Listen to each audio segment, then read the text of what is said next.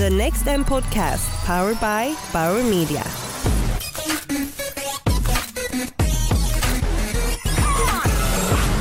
Hej och välkomna till Next M-podcasten 2017 som presenteras av Bauer Media. Mitt namn är Martin Hugosson och jag är VD på Maxus Communications. Jag kommer leda en serie av avsnitt med fördjupning kring de ämnen som tas upp på Next M. Nu sitter jag i Bauer Medias bås mitt i händelsernas centrum på Next M tillsammans med Henry Home. Welcome Henry Holme from PaveGen and thank you for being with us. Brilliant. Thank you very much for having me here today. Uh, would you care to sort of describe what PaveGen does to, to us and the listeners? Yeah, of course. So at, at PaveGen, we are here today showcasing our technology.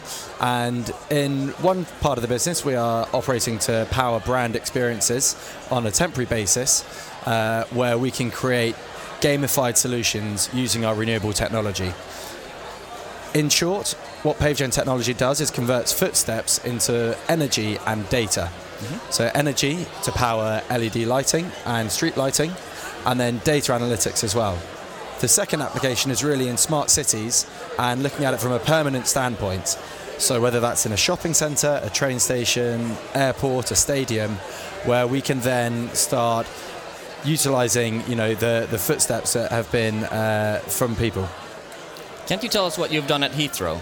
Yeah, of course. So uh, we have a uh, we have a, a, a fantastic permanent installation in Heathrow Terminal Three, as you walk through the departure lounge, and it's just a basic, really good proof of concept of how our technology is able to create high levels of engagement with people. So as you walk across the tiles, we're powering strips of LED lights in the wall, and it's been there for about three years now, and it still hasn't had required any maintenance or kind of fixing. So we're really happy with the way that that installation has gone. That's fantastic. Mm. So is it used as a game or is it also generating power that powers something more than the uh, what you can see? Yeah. So o- on a permanent basis, it's really from an energy application in data and looking at being the what what we like to call the Intel inside of smart cities of the future. Yep. Um, but really, yeah, what about 75% of uh, the work that we do is on the temporary basis at events, at exhibitions, at product launches, uh, where we try and create experiential activations. And yeah, that's very much geared around gamification of, of energy. Um, so, for example, in the summer of 2016, last year, uh, sorry, 2015, we did a digital racing game with Formula E in London, Battersea Park. And as you ran on the tiles, you would be generating energy which powered the lights in the floor. But at the same time, we had a racetrack on a digital screen, and the energy, the people running on the tiles were able to power these cars around the racetrack. You also spoke about brand experiences. Uh, do you want to elaborate on how you create that? Yeah, of course. So, really, we found that it's a very unique method of engagement, uh, and it's also it's a it's a, it's a language that's understood by all, whether you're young, old, uh, Swedish, English, whatever language you speak. Actually, when you see and can understand the correlation between footsteps and energy, uh, it's very easy to interpret that's really how we're able to power brand experiences, and we can uh, we can we can rebrand the entire flooring system uh, based on the messaging or marketing campaign that we're working with. So, in, in which type of environments does it make sense to install your product? How much steps do you need? Yeah, of course. Good, good, good Can I question. have it at home? Yeah, yeah. Good question. Um, so it's not it's not quite yet a domestic solution. We've really got a uh, a three tiered approach. Uh, the first application is really is fun, and actually utilizing it in a fun way and getting people to understand the technology. Next, we look at work, where you can look at it uh, from either on your commute or in a lobby entrance to an office building, and finding applications in, uh, in, in from permanent standpoint there. And then finally, yes, live. But that's uh, probably a 15, 20, 25 year goal. Way down the line. You don't need to. We don't need to talk about that today. Really, what's interesting is uh, is the work we can do on a temporary basis and actually deliver highly engaging, highly fun, kind of unique activations geared around what the brand is trying to achieve. So whether that is um, uh, whether that was Amex with their Shop Small campaign in Brighton, uh, where we repaved the entire uh, shopping area, and then we're able to power the street lights, the uh, LED lights above, to promote their Shop Small campaign. We then displayed this energy on a digital screen, and it was a way for people to relate as to understand how Amex are taking sustainability and energy seriously whilst contributing and working with independent shoppers. We recently did an activation at South by Southwest where we were there, we were featured there with a smart car in their House of Smart, and we had a mobile charging stand. So as you ran on the tiles, we were able to provide a small trickle charge to power a mobile phone. Um, and as you run on the tiles, you're able to then give yourself, you know, just a small two, three, five percent of juice. Oh, that was my question. So, how long do I have to run to power my uh, iPhone? Well, I don't think that's where we're going to be um, seeing the seeing seeing the main application. But you'd, I'd say about about uh, two minutes on the on the tiles gave you about a two percent charge. But if all the employees at Maxus would run, they could power my phone. Precisely. So this is where we actually look at the. If you look, take Oxford Street for example in the UK, with again going back to street lighting, but as an energy application, the uh, footfall generated on Oxford Street is enough to take the street lighting completely off grid. So we can power the street lighting on Oxford Street autonomously using PaveGen technology. It's fantastic.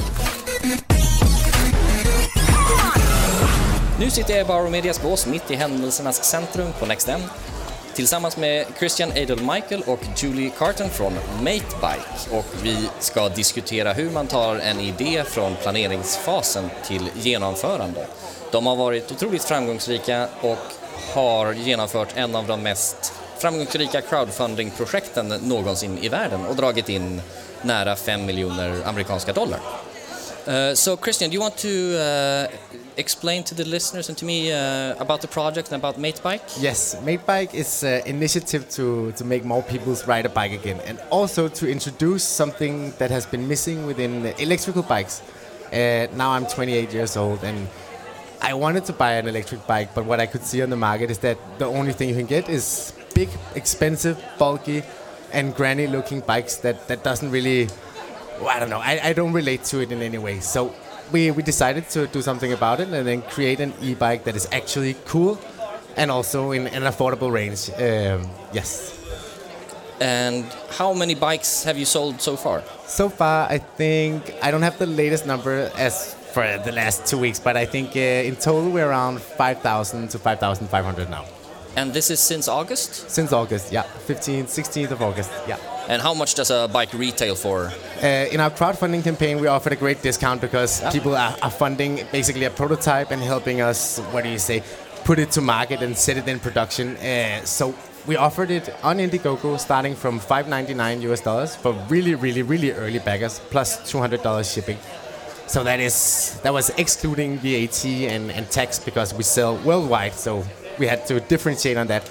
But uh, roughly now, including delivery, VAT, everything, 8,000, 9,000 Swedish kronor. So what attracted you with uh, crowdfunding? Yeah, but crowdfunding is, is, is a risk-free form of valid validation. You, you invest very little. You basically show the basic version of your product and, and you can sell worldwide from the, the get-go. And, and basically you're taking in pre-orders uh, and, and you don't risk to having invested a whole production, a whole stock of uh, our bikes uh, laying somewhere, paying expenses for keeping them there, and, and not knowing if they're gonna sell or not. Here we're basically checking if the market is ready for it, and we can produce accordingly. Uh, so it's a great way to see if there's actually a hold in your idea. Yeah. Is this the first sort of product or project that you have commercialized? Uh, yes, this way it is. But I have experience with uh, actually sourcing a lot in, in China for the past four years, where we sold consumer goods uh, in, in also Denmark and, and Sweden and Norway. Yeah.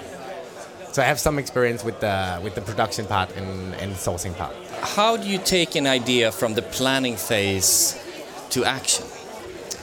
Um, yeah, what we did is, um, of course, we made some kind of overall plan of, uh, and I had an idea about how things would, how we have uh, imagined things would proceed, how we imagine things being done, and with the uh, experience we have in in, in uh, importing and making consumer products, uh, we had an overall idea of how the, the process should be. For the crowdfunding campaign, we have been doing a lot of time studying how other crowdfunding campaign were campaigning and also the, what happened after the campaign.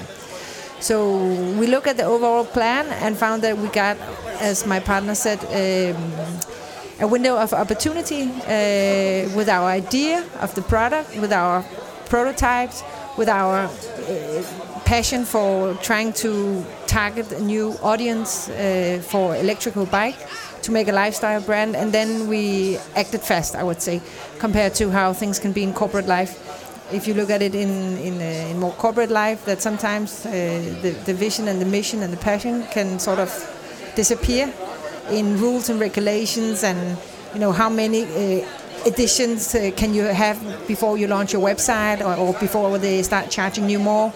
I know there's a reason for why that you put these kind of you know limitation of how many re-edits you can do but i think it's uh, for us we we did another model where everybody had the saw interest of making the absolute perfect video uh, and perfect material for us So- and fast yeah.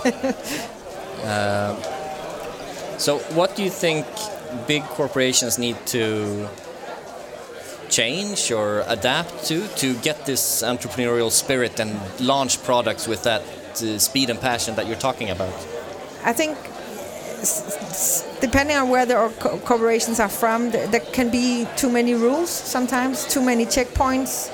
Um, I think what we had it was uh, sometimes what I would say crazy, chaotic collaboration, uh, but constantly this drive of wanting to succeed, wanting to do it fast also because we knew that the marketplace, a competitor could come in so fast. Um, and also, I think we picked up on some kind of trend that we felt ourselves that we needed to act fast before a competitor came.